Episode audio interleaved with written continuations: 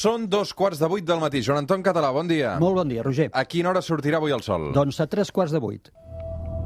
3, 2, 1. Шагание!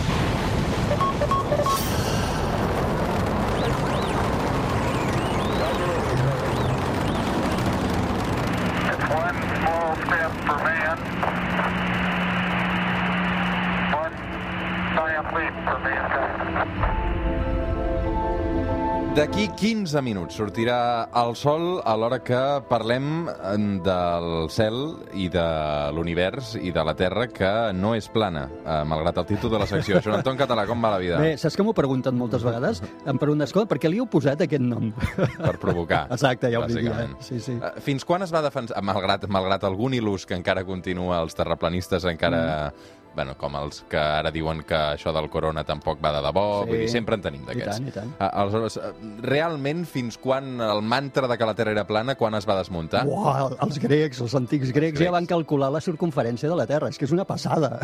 Vull dir, com és possible que encara estiguem així, no? I- Dient que la Terra és plana. Déu-n'hi-do. Sí, en fi. Escolta'm, avui, Joan Anton, um, parlarem d'un fenomen que encara no revelarem. Um, farem unes pistes, d'acord? Vale. Uh, quan en veus un, el que veus és únic. La persona del teu costat n'està veient una altra que és diferent. Exacte, fixa't, eh? una cosa que si la veus, només tu, només tu la veus i la persona al costat n'està veient una altra. En realitat, tan sols existeix com una imatge que es forma al nostre cervell. És a dir, són efectes visuals que tan sols estan dins del nostre cap. És fàcil, eh? Sí? Creus que és fàcil? Jo crec que sí. Bueno, eh, veurem, veurem. Crec que sí. Per veure'n, per veure'n un, necessites tenir el sol a la teva esquena i baix sobre l'horitzó. Aquesta pista ja és molt més Aquesta. clara, aquí ja suposo que De ja fet, molts tenim un, sabem... un munt d'oients que ens estan contestant a través de la xarxa arroba el suplement que avui parlem de l'arc de Sant Martí.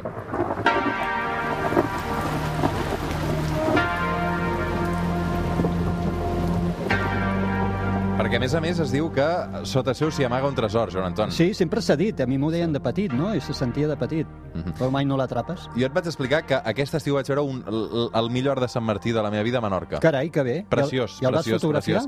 Sí, uh, tinc alguna foto i, a més a més, um, o sigui, van ser pocs minuts, eh? Doncs l'has de passar, aquesta Perquè hi fotografia. havia algun núvol. Mm, Uh, ara te la buscaré. perfecte. Ara te la buscaré. Perfecte. Com es forma un arc de Sant Martí, Joan Anton? Va, anem a explicar-ho, perquè fixa't quines coses hem dit més estrambòtiques de l'art de Sant Martí. D'entrada necessitem varis components, que són gotes d'aigua a l'atmosfera, per exemple de pluja, però després veurem que no cal que sigui de pluja. Sí. Necessitem un objecte que il·lumini molt, el sol, però després veurem que també hi pot haver altres objectes que il·luminin i, sobretot, sobretot, sobretot, el que la gent mai no té present, necessitem un observador. I això que és tan, que sembla tan sentit comú, clar, és que ara anirem explicant que l'art de Sant Martí és una figura que es forma en el cervell de cada observador. Per tant, aquí la figura de l'observador és vital. Sense observadors no hi ha art de Sant Martí. Mm -hmm. uh, hem de tirar unes quantes seccions enrere, recordar alguns principis bàsics de la llum. Al primer lloc, la refracció de la llum, Joan Anton. Sí, uh, ara hem d'entendre com es forma l'art de Sant Martí. El primer efecte, com deies, és la refracció de la llum. Imaginem això, el sol que està il·luminant, la llum del sol, raig de sol, arriba a les gotetes d'aigua que estan a, a l'atmosfera i entren a la goteta d'aigua. Doncs aquí es produeix l'efecte que explicàvem de refracció, que recordem que és el més similar en aquella imatge que tenim d'un pal que el veiem com trencat quan el veiem enfonsat a l'aigua, doncs això és com la llum es desvia de trajectòria en el moment en què entra a la goteta de llum. Per tant, entra a la gota de llum i es desvia de la seva trajectòria. Això és la refracció. No hi ha de Sant Martí sense els colors. Val? Per què? Perquè també explicàvem en el programa dedicat a la llum que quan es produeix la refracció de la llum, cada color, cada component de la llum blanca, que sabem que està composat de diferents colors, desvien una trajectòria una miqueta, lleugerament diferent. Eh? I això ho tenim amb... és el que fa bàsicament un prisma, per exemple, que ens desvia la llum blanca i veiem per una banda el blau i per l'altra el vermell i entremig tots els altres colors. Per tant, aquesta refracció, en el moment en què la llum entra dins la goteta i ja trenca eh, en els diferents components aquesta llum blanca. Mm. He trobat la fotografia, Joan Anton. Crec que no fa justícia a, a la és realitat. xula, és molt xula. Sí, perquè a més era un dia ennuvolat, eh? Mm. Era un dia ennuvolat, um, però, però clar, la, la, la foto no fa justícia a la realitat de l'art de No, en això passa, a sempre la- l'experiència en real és molt millor. Mm -hmm. uh, per on anàvem? Que m'he perdut. A veure, Mira, uh, hem- hem fet reflexió, que- reflexió, Sí, no? hem fet que s'ha desviat. Ha entrat la gota, ha fet refracció, s'ha desviat i els colors, i ha, separat els colors. Som Mm. dins de la gota d'aigua. Uh -huh. uh, molt bé. Dins d'aquesta gota d'aigua, què hi passa? Ara ve la reflexió. Què Reflexió. passa? Ja tenim uh, la llum dins de la goteta, s'ha separat amb els seus colors, arriba a la banda, diríem, del darrere de la gota, per entendre'ns, Mm. part de la llum travessa la gota, però una altra part reflexa, com si fos uh, un mirall, igual com si fos un mirall, i per tant, aquests colors que estaven separats tornen a tirar enrere, reboten contra la part del darrere de la gota, diríem, i tornen a tirar cap al davant en angle, en un angle desviat, justament per la refracció. Uh -huh.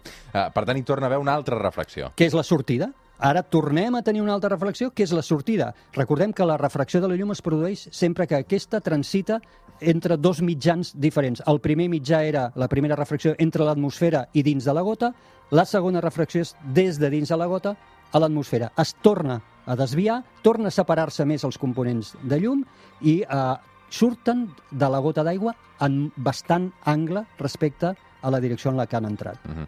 Finalment, també és molt clau el paper de l'observador, no? És el que dèiem. Perquè llavors aquesta llum rebotada eh, i descomposada amb, amb, amb colors arriba als teus ulls. I en aquest moment el teu cervell composa la imatge de l'art de Sant Martí. Però fixem-nos, tu el que estàs veient, en realitat, són aquests ratjos de llum els que arriben a la teva retina, els que arriben al teu ull.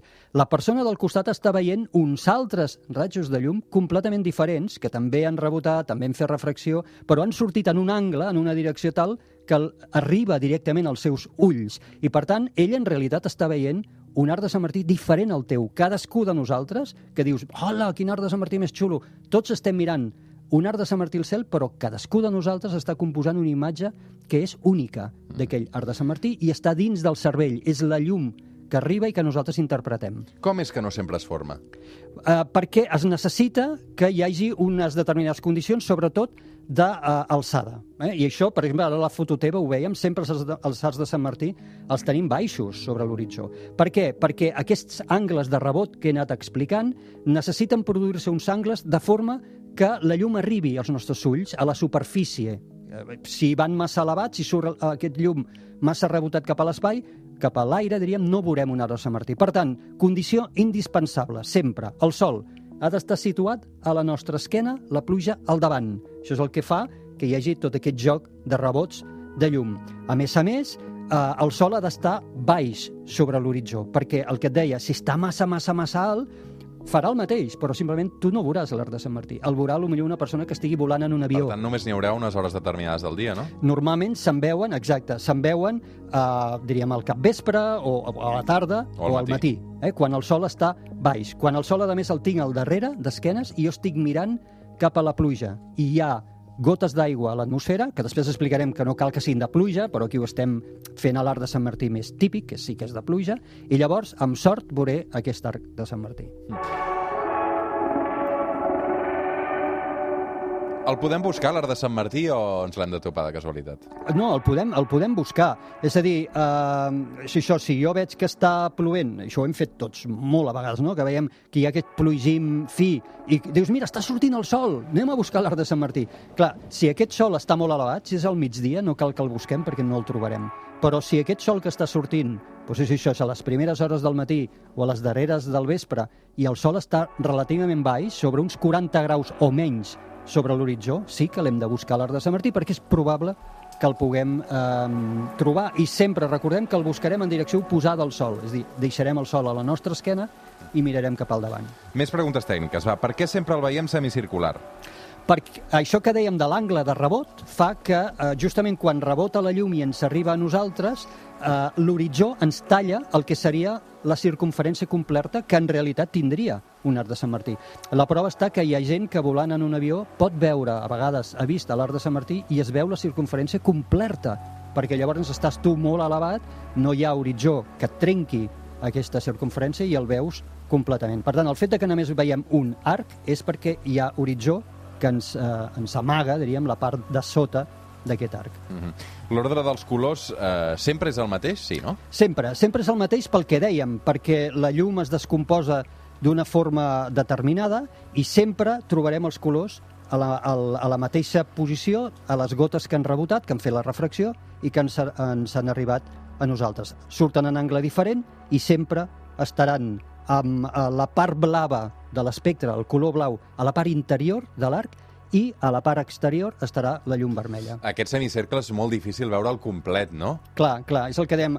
Pot estar trencat per moltes raons. Pot estar trencat perquè hi hagi obstacles, hi hagi núvols o hi hagi altres obstacles que facin que el rebot de la llum no t'arribi als teus ulls. Recordem que al final és un efecte òptic, no existeix. A l'art de Sant Martí no és cap objecte, és simplement una imatge que tu et fas en el cervell amb la llum que t'arriba directament a tu. Llavors aquesta llum pot haver, eh, mm, diríem, topat amb obstacles. Un d'ells és l'horitzó, ja l'hem dit, però hi pot haver altres, núvols, edificis, molts altres eh, obstacles que facin que no vegis completament a l'arc. Som al suplement, som a Catalunya Ràdio, a l'hora que surt el sol, avui amb el Joan Anton Català, parlant d'arcs de Sant Martí.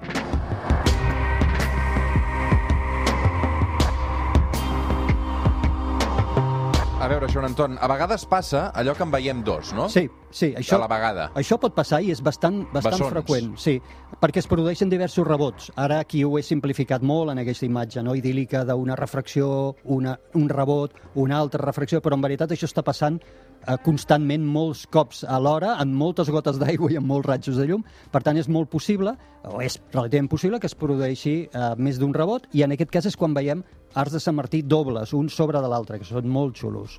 Escolta'm, amb tot el que m'estàs explicant sembla evident que eh, mai són iguals, no? No, és el que dèiem, únic. Per tant, tu quan estàs veient un ar- un arc de Sant Martí el teu arc de Sant Martí. I la persona al costat està veient un altre arc de Sant Martí, que és com els seus ulls estan interpretant aquests ratjos de llum que li arriben a la seva retina. Per tant, cadascú de nosaltres està veient un fenomen que és eh, diferent, en realitat és únic. Normalment, quan parlem d'arcs de Sant Martí, tots ens els imaginem al cel, um, però es poden, poden aparèixer o, o el podem veure en altres punts, no? En un bassal, per exemple. Per exemple, i amb un salt d'aigua, és molt típic veure amb un salt d'aigua.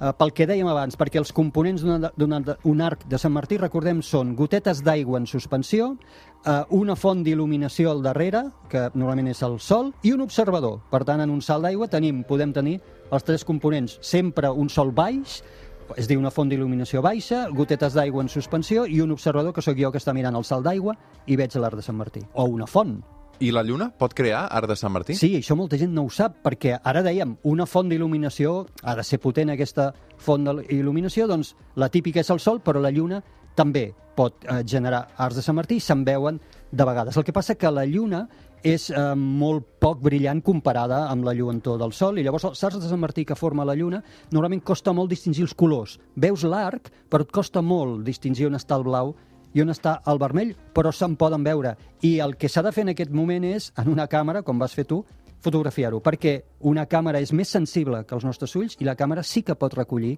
sí que pot identificar els colors. Per tant, la foto d'un arc de Sant Martí, que per cert jo no l'he feta mai, no l'he pogut fer mai, fer mai, Què però... vol dir que no l'has pogut fer mai? No, que no, no, no, mai he vist un arc de Sant Martí fet per la lluna i mira que he mirat al cel. Ah, ah, per la lluna. Per la lluna. Ah. No, no, no, perdona, estava parlant Ah, clar. d'un arc de Martí per la lluna, Com, precisió. pot, com pot ser? No, home, no, els, els altres sí, sí, no tan xulos com el teu.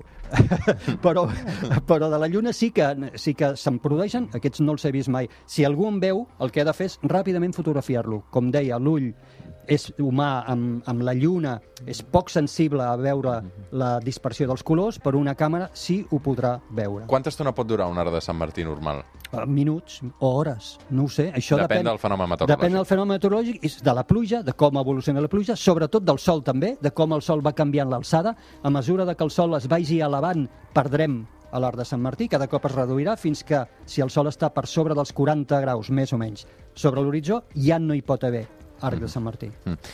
Um, són únics de la Terra? Ara en parlàvem de, de, um, comentaves això de la Lluna. Són exclusius de la Terra o també n'hi ha altres planetes? Ho sabem, això? Eh, eh, intuïm, intuïm que n'hi podria haver a qualsevol planeta que tingui una atmosfera on hi hagi gotes d'algun líquid en suspensió i una font d'il·luminació. Això només pot passar, que sapiguem, a la Terra i podria passar també a Tità. Tità és el satèl·lit més gran de Saturn, té una atmosfera, allà hem parlat alguna vegada, les gotetes de líquid que té són de metà, de gas ciutat, que allà és eh, líquid o sòlid, perquè està a menys 180 graus de temperatura, doncs podria ser, no ho sabem, però podria ser que en els núvols de Tità es produís també aquest efecte, que seria molt més afablit, perquè estem parlant d'un objecte que està a 1.400 milions de quilòmetres del Sol. Per tant, allà el Sol arriba molt esmorteït i, a més a més, hi ha boira. Tità, això sí que ho sabem, perquè hi hem anat, hi hem enviat una sonda no tripulada, està tot cobert de núvols i de boira. Per tant, la il·luminació del Sol és baixíssima. Um, no sabem si donaria per, donar, per produir un arc de Sant Martí, però en tot cas seria un lloc on es podria uh, produir. A l'altre que coneixem és Venus. Venus, que en vam parlar la setmana passada, té gotetes també en superfície, en, en atmosfera, però atenció, ni d'aigua ni de matar, d'àcid sulfúric, uau, d'àcid sulfúric. Podria ser que l'àcid sulfúric, també il·luminat pel sol, donés aquest efecte? Vés a saber, podria ser, i hauríem d'anar per veure-ho, això. Mm. Clar, Joan Anton, eh, estem parlant d'un fenomen eh, que ha omplert moltes llegendes, no? Moltes. Um, I que és una figura pràcticament mitològica. De fet, al principi dèiem, a l'Arc de Sant Martí hi ha or. Sí. Eh? Uh, Aquesta, aquest aquesta, tresor. Sí, aquesta ve de la cultura celta.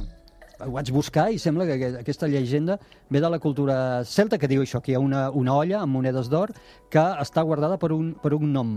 Eh? I llavors eh, ja se n'encarrega de que no puguis eh, capturar aquesta olla de forma fàcil. Però, com deies, n'hi ha moltíssimes de llegendes, algunes de les més eh, xules, diríem, eh, és que, per exemple, pels pobles eslaus, eh, la visió històrica, eh, la visió d'un arc de Sant Martí porta mala estrugança, mala sort. Eh, I fins i tot pot portar a la mort. Això que a nosaltres ens agrada veure, doncs Carai. amb ell sembla que històricament, a l'antiguitat, no tant. Clar, t'imagines els nostres avantpassats eh, estant de cacera i topant-se allà amb... Sí.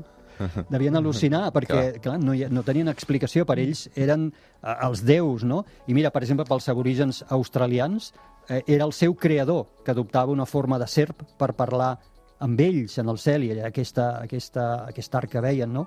Uh, pels birmans també vaig trobar que l'arc de Sant Martí es podia cruspiar les criatures. Per tant, s'havia de guardar les criatures lluny dels arcs de Sant Martí. Eh, alguns pobles d'Àfrica encara avui en dia fan sons amb bastons i pals per allunyar els esperits d'un arc de Sant Martí i ho aconsegueixen sempre, cal dir, perquè l'arc de Sant Martí és efímer, per tant sempre aconsegueixen allunyar aquests esperits. Aquests esperits. Realment eh, hem après eh, i hem descobert moltes coses amb eh, el pas de, dels anys i de la humanitat, però, però, però les incògnites continuen sent immenses, no, Joan Sí, sí, dintre del nostre planeta. Uh, la setmana passada parlàvem de la possibilitat de vida a Venus i de com estem explorant Mart, jo sempre dic que aquí a la Terra tenim un munt de fenòmens que no sabem explicar. Afortunadament a l'Arc de Sant Martí sí, ara hem vist que no té més secret, però en tenim moltíssims. Vam dedicar un programa a començament de temporada dels grans enigmes de la Terra. Hi ha coses del nostre planeta que no entenem i dius, ostres, uh, com pot ser no? que a ple segle XXI i sent capaços d'enviar una nau a Plutó per exemple, no siguem capaços d'exactament saber com, eh, per què l'interior de la Terra està eh, calent, quins components sí que ho intuïm, però no tenim una explicació clara, o com va aparèixer la vida. Aquest és el gran misteri. I segurament quan les generacions que vindran eh, mirin cap enrere i ens vegin a nosaltres, eh, pensaran que tontos que eren, no? Que primitius que eren. que, pri- que primitius i que poques coses sabien. No? Clar, el mateix que nosaltres fem quan mirem enrere. Per això que jo sempre, quan dono conferències... Com i- podíem viure sense saber què hi havia Clar, més enllà de la Terra? Clar, jo sempre faig aquesta reflexió que acabes de fer quan dono una conferència i li dic a la gent ara és molt fàcil veure que Einstein a començament del segle XX estava equivocat pensant que l'univers no s'expandia. Home, tio, que no veus que s'expandia? Ara és molt fàcil veure-ho, però llavors no ho era.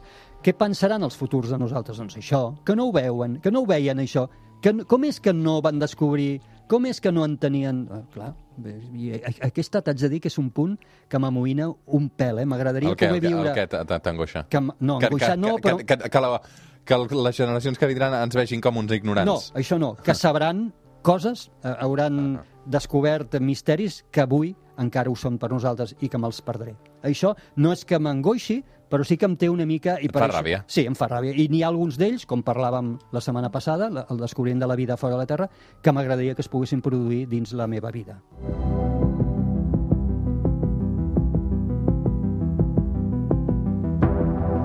Va, Joan Anton, mentrestant ens conformarem amb el cel que ens ofereix estampes boniques, també en plena tardor. Um, què hi passarà aquesta setmana? Doncs divendres i dissabte la lluna es posarà a la lluna plena, es posarà al costat de Mart. Mart comença a brillar moltíssim a mitjanit, és l'any de Mart, sabem que Mart i Terra es col·loquen a mínima distància, doncs Mart protagonista i la lluna s'hi posarà al costat divendres i dissabte. Cada nit, com et deia, Mart anirà guanyant més llum de color ataronjat. Jo a vegades li dic a la gent, sembla un omni, mireu i busqueu a l'omni que hi ha en aquest moment brillant moltíssim en el cel de la nit, a mitjanit. Doncs aquest és el fenomen que trobarem si aixequem la vista. Joan Anton Català, un plaer, com sempre. Gràcies igualment, Roger. Fem una pausa. Sabeu que podeu recuperar eh, aquest espai que fem també en directe a l'hora que surt el sol els diumenges a arroba el suplement, Twitter, xarxes, catradio.cat i arroba estels i planetes és el perfil del Joan Anton Català a Twitter, on, a banda de compartir aquesta secció, doncs, divulga i continua explicant doncs, l'actualitat eh, perquè no ens deixa respirar. Eh? Al final, els diaris hauran de- d'obrir un apartat eh, no tan sols de ciència, sinó d'astronomia. Bé, bé, bé, bé, bé, vinga, va, proposem això. Nosaltres ja fa 3 anys que ho fem. Sí, sí, nosaltres som pioners. Som-hi, fem una pausa.